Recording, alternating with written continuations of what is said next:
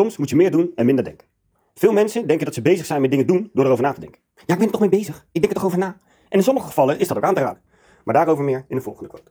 In dit geval gaat dit over jou. Jij die altijd maar moet nadenken. Over welk besluit dan ook. Nadenken en twijfelen. Afwegen en het liefst ook de onbelangrijke mening van anderen daarin meenemen. Voor dit soort mensen geldt dat ze moeten doen. Want nadenken in dit geval betekent rationaliseren. Het goed praten om geen keuze te hoeven maken. Onder het mom van ik ben er toch mee bezig. Maar dat is natuurlijk gelul. Want, wat, want er gebeurt geen fuck behalve het in cirkeltjes blijven ronddraaien. Oftewel lekker in je comfortzone blijven. In je hoofd, zodat je kan verschuilen en eigenlijk niks hoeft te doen. Daar kan van alles achter zitten. Dingen die je meekreeg van vroeger, een angst om nieuwe dingen te doen op basis van wat je ziet om je heen, of misschien ben je gewoon bang om op te groeien. Want dat is eng. Dan moet je ineens dingen gaan doen die je nooit gedaan hebt en daar ook nog eens verantwoordelijk voor zijn. Ik bedoel, what the fuck.